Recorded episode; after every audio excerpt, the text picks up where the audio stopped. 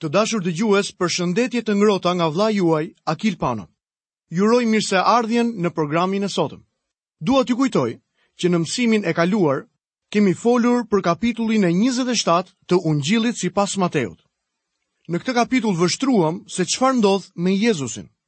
E pra mësimi i sotëm do të jetë vazhdimi i mësimit të kaluar dhe dua t'ju kujtoj edhe një herë mësimin e kaluar e ndalëm në momentin Kur me shumë zhurmë, turma vendos kryqëzimin e Jezusit.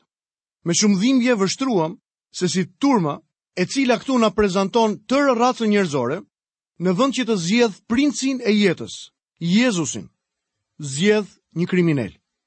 Të dashur dëgjues, pa u vonuar, le të fillojmë menjëherë mësimin e sotëm. Do të lexojmë në kapitullin e 27 të Ungjillit sipas Mateut, vargun e 26. Atëherë ai ua liroi atyre Barabën dhe mbasi e fshikulloi Jezusin, ua dorëzoi që të kryqëzohet. Pilati ishte i gatshëm ta ulte veten e tij. Ai duhet të merrte një vendim dhe vendimi i tij ishte ai i refuzimit. Shohim vargun e 27. Atëherë ushtarët e guvernatorit Mbasi e çuan Jezusin në pretoriumin e guvernatorit, mblodhën rreth tij gjithë kohortën. Ushtarët mund të bënin çfarë t'u donte qejfi. Ai u bë një lodër në duart e kësaj turme mizore dhe gjakatare. Shikojmë vargjet 28 dhe 29. Dhe mbasi e zhveshën, i hodhën mbi trup një mantel të kuq dhe i thurën një kurorë me ferra, ia vunë mbi krye dhe i dhanë një kallam në dorën e djathtë. dhe duke u gjunjëzuar përpara tij, e përqeshnin duke thënë, tungjatjeta o mbret i judenjve. Është e tmerrshme ajo çfarë ata i bëjnë Jezusit. Le të shohim më poshtë vargun 30. Pastaj e pështynë, ia morën kallamin dhe me të i binin në kokë. Ushtarët e shfrytëzuan këtë mundësi për t'u tallur me të përpara se ai të kryqëzohej. Meqenëse Jezusi do të vdiste, Ata mund ta sakatonin dhe të bënin me të gjithçka që ata donin. Ushtarët po luanin me të burgosurit, një lojë mizore romake e njohur si dora e nxehtë. Të gjithë ushtarët i tregonin grushtet e tyre të burgosurit. Pastaj i lidhnin sytë dhe të gjithë ata përveç njërit e godisnin sa më fort të mundnin. Pastaj i zgjidhnin sytë dhe nëse i burgosuri do të ishte ende i vetëdijshëm, Ai duhet të gjente se cili ishte ushtari që nuk e kishte goditur. Pa dyshim që i burgosuri kurrë nuk mund ta gjente personin e duhur. Ata e vazhdonin këtë derisa ta kishin rrahur për vdekje të burgosurin. Besoj se Zoti Jezus ishte aq i plagosur dhe i sakatuar saqë ju nuk do ta kishit njohur. Çfarë profeti Isaia thotë në kapitullin e pesëdhjetë e dy të librit të tij, vargu katërmbëdhjetë, u bë realitet në ato momente. Profeti Isaia tha, duke qenë se shumë veta u çuditën me të, sepse pamja e tij ishte e shpërfytyruar më tepër se çdo njeriu tjetër dhe fytyra e tij ishte ndryshe nga ajo e bijve të njeriut. Do të lexojmë vargjet 31 dhe 32. Dhe mbasi e përqeshën, ia hoqën mantelin dhe e veshën me rrobat e tij dhe e çuan për ta kryqëzuar. Dhe duke dal, takuan një njeri nga Kirenea, që quhej Simon, të cilin e detyruan të mbartë kryqin e Jezusit. Le të shohim se çfarë më poshtë kapitulli 27 i Ungjillit sipas Mateut tregon për kryqëzimin e Jezusit. Do të lexojmë vargun e 33. Dhe kur arritën në vendin që quhej Golgota, domethënë vendi i kafkës. Ai vend besoj se mund të identifikohej si kalvari i Gordonit, e emërtuar nga gjenerali Gordon, i cili e zgjodhi atë si vendodhjen më të mundshme të Golgotës. Unë kam vëzhguar gjithë atë zonë. Pas gjithë këtyre viteve dhe gjithë gjërave që i kanë ndodhur qytetit të Jeruzalemit, është e vështirë të gjykosh. Por pa dyshim, topografia e zgjedhjes së Gordonit është e përafërt me përshkrimin biblik të Golgotës. Ky është një vend që i përngjan një kafke. Lexojmë vargun e 34. I dhanë të pijë uthull të përzier me vrer, por ai mbasi e provoi, nuk deshi ta pinte. Të dashur dëgjues, kjo është përmbushja e Psalmit 69 dhe vargu i 21 që thotë: më dhanë përkundrazi vrer në vend të ushqimit dhe për të ma shuar etjen më dhanë për të pirë uthull. Le të lexojmë vargun e 35 të kapitullit të 27. Mbasi e kryqëzuan, i ndanë me short rrobat e tij që të përmbushej ç'ishte thënë nga profeti. I ndanë ndërmjet tyre rrobat e mia dhe hodhën short mbi tunikën time. Profecia e dhënë është marrë nga Psalmi i 22, i cili prezanton një pamje grafike të vdekjes me anë të kryqëzimit. Shikoni se çfarë thotë tekstualisht Psalmi i 22, i shkruar qindra vjet përpara ngjarjes së kryqit. Psalmi 22 vargu 18. Ndajnë midis tyre rrobat e mia dhe hedhin në short tunikën time. Le të vazhdojmë të lexojmë vargun 36 të kapitullit tonë. Pastaj u ulën dhe e ruanin. Për mendimin tim, këtu shohim njerëzimin i cili ka arritur fazën e tij më të ulët. Nuk është e nevojshme të zbresësh disa shkallë më poshtë ose të shkosh në një burg për të parë njeriun në nivelin e tij më të ulët. Juve mund ta shikoni atë këtu. Shkrimi thotë, pastaj u ulën dhe e ruanin. Besoj se në këtë turmë Ishte dhe Sauli, ai që më pas në fjalën e Zotit quhet Pal, Sauli nga Tarsi.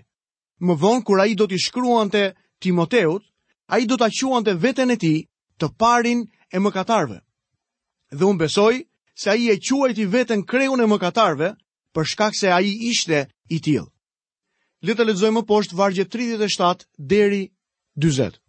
Përmbi krye të tij i vunë gjithashtu motivacionin e shkruar të dënimit të tij. Ky është Jezusi, Mbreti i Judenjve. Atëherë u kryqëzuan bashkë me të dy cuba, njëri në të djathtën dhe tjetri në të majtën. Dhe ata që kalonin andej e fyenin duke tundur kokën dhe duke thënë: Ti që e shkatërron tempullin dhe e rindërton për tri ditë, Shpëto veten! Në qoftë se je biri i Perëndisë, zbrit nga kryqi. Nëse ti je biri i Perëndisë, zbrit poshtë nga kryqi. Vini re që ata ngritën një dyshim, nëse ti je biri i Perëndisë. Vetëm pak e dinin se edhe pse ishte biri i Perëndisë, ai nuk do të zbriste nga kryqi. Në këtë pikë, Jezusi nuk kishte se çfarë të provonte, Ai ishte duke vdekur për mëkatet e botës. Lexojmë më poshtë vargun e 41. Po ashtu, edhe krerët e priftërinjve, bashkë me skribët dhe me pleqtë, duke e tallur, i thonin. Ndoshta mund të mendoni se pasi kjo tufë keqbërësish kishte patur sukses në dërgimin e Jezusit në kryq, mund të shkonin në shtëpi dhe ta linin të vdiste në paqe. por jo përkundrazi, ata qëndruan atje duke e tallur ndërkohë që Jezusi ishte ende gjallë. Lexojmë vargun e 42. Ai shpëtoi të tjerët dhe nuk mund të shpëtojë vetveten. Në qoftë se është mbret i Izraelit, le të zbresë tani nga kryqi dhe ne do të besojmë në të. Ky është një formulim i vërtetë.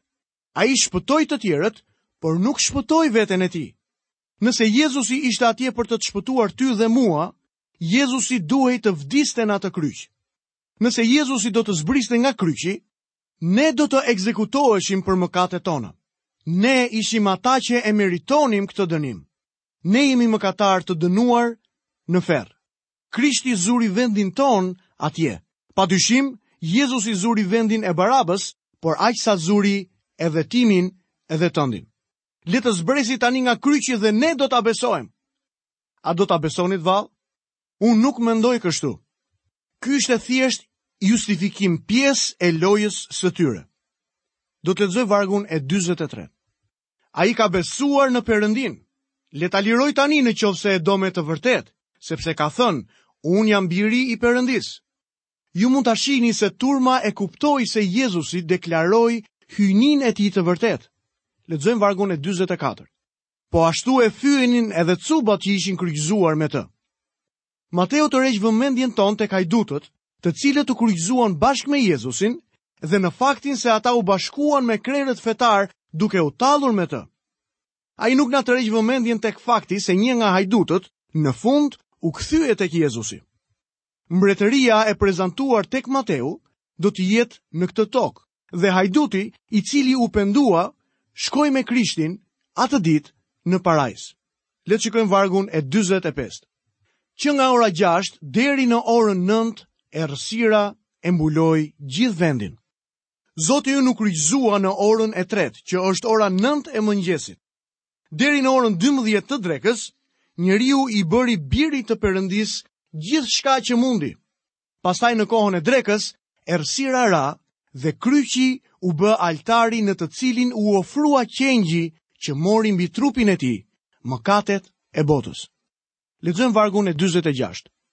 Rreth orës 9, Jezusi bërtiti me zë të lartë duke thënë: Eli, Eli, lama sabaktani, domethënë, Perëndia im, Perëndia im, përse më ke braktisur? Përgjigjen e kësaj pyetje e gjejmë tek Psalmi 22.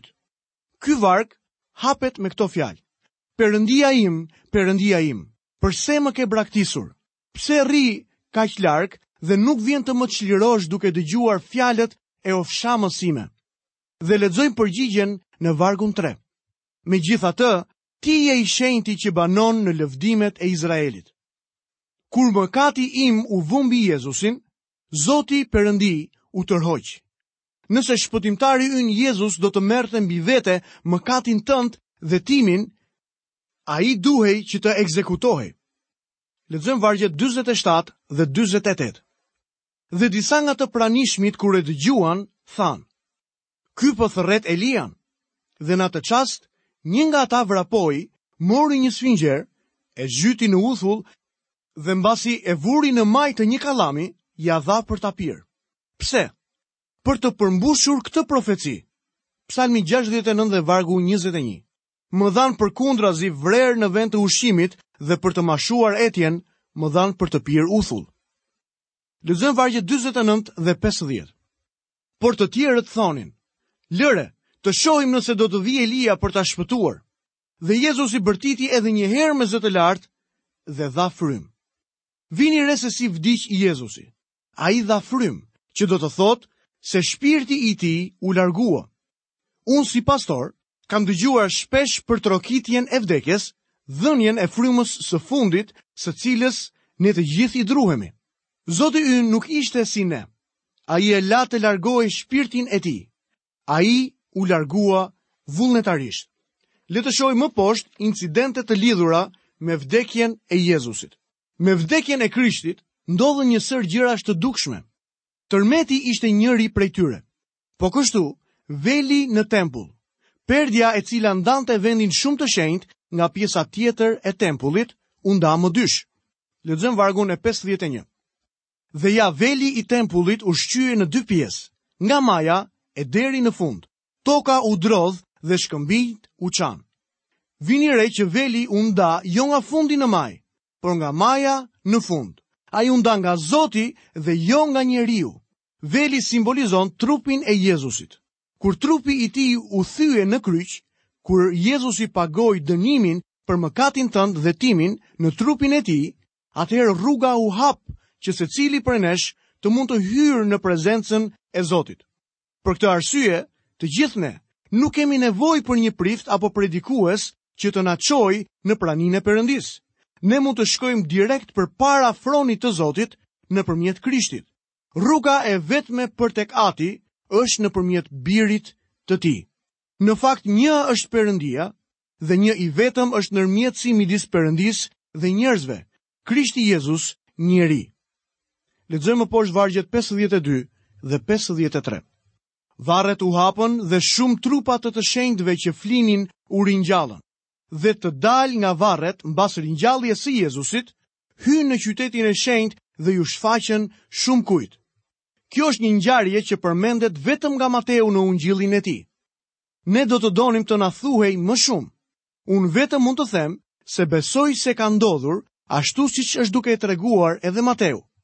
Ata që u ngritën ishin një pjesë e atij grupi të madh, të cilët shkuan në qiell kur Krishti e burgosi burgosjen në ngritjen e tij. Letra e Efesianëve, kapitulli 4 nga vargu 8 deri në vargun e 10 na flet për këtë çështje. Tërmeti i përmendur në vargun e 51 ishte një tërmet i planifikuar dhe jo i rastësishëm, sepse prej këtij tërmeti u hapën varret. Shumë trupa të të shenjtëve që flinin u ringjallën dhe ata iu shfaqën shumëkujt. Shumë dëshmitarë i panë këta njerëz sepse sipas Mateut, ata shkuan në qytetin e shenjtë dhe iu shfaqën shumëkujt. Në një broshurë të titulluar Gjashtë mrekullitë e kalvarit, të shkruajtur nga Peshkop Nikolson, gjendet një trajtim i shkëlqyer i kësaj çështjeje dhe i mrekullive të tjera që ndodhën në atë kohë. Nëse jemi të interesuar në ndjekjen e këtij studimi, unë do t'jua rekomandoja këtë broshurë. Është një libër i vogël, por i pasur. Lexojmë vargun e 54 të kapitullit 27 të ungjillit sipas Mateut. Tani centurioni dhe ata që bashkë me të ruanin Jezusin, kur panë tërmetin dhe ngjarjet e tjera, u trembën shumë dhe thanë, me të vërtetë, ky ishte biri i Perëndisë.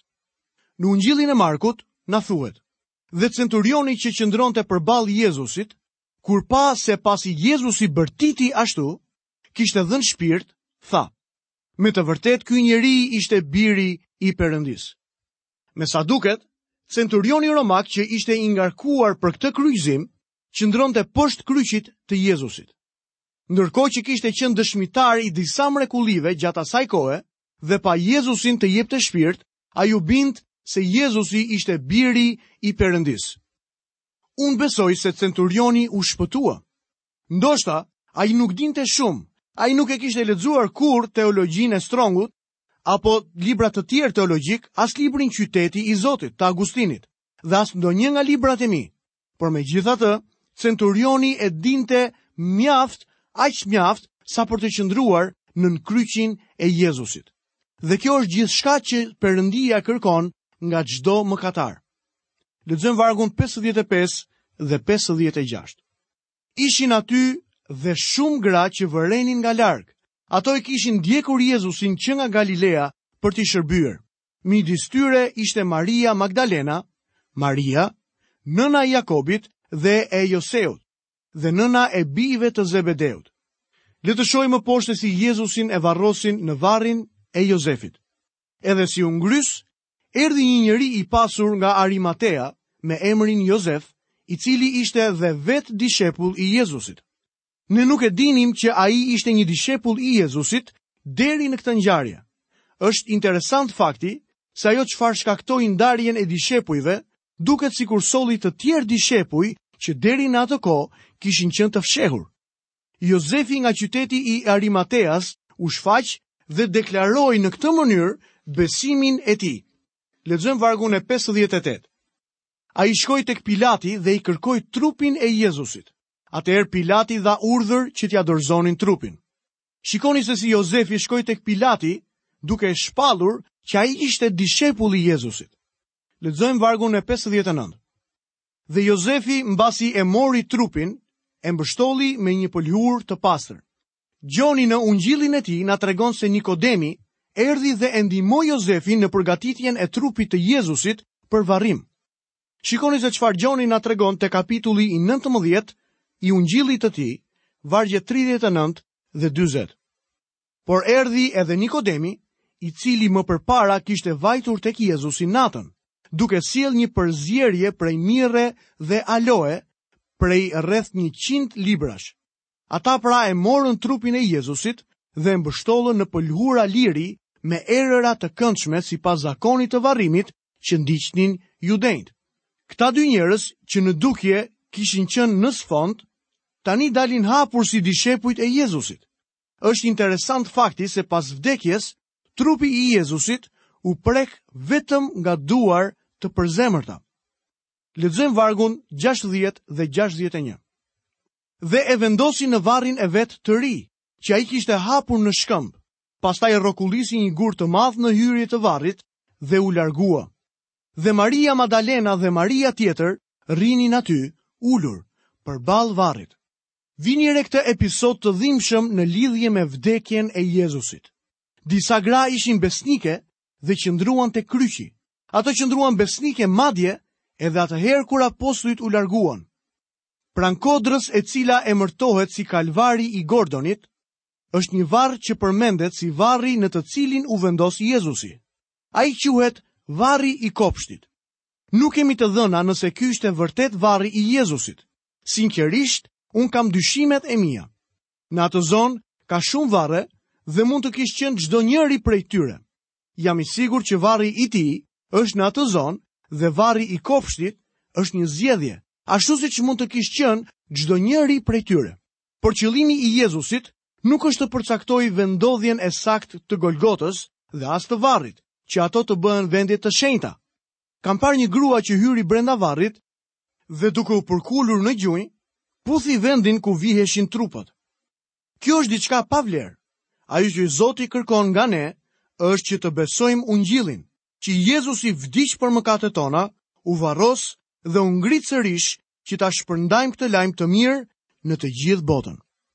Të dashur dëgjues, këtu kemi mbërritur dhe në fundin e mësimit të sotëm.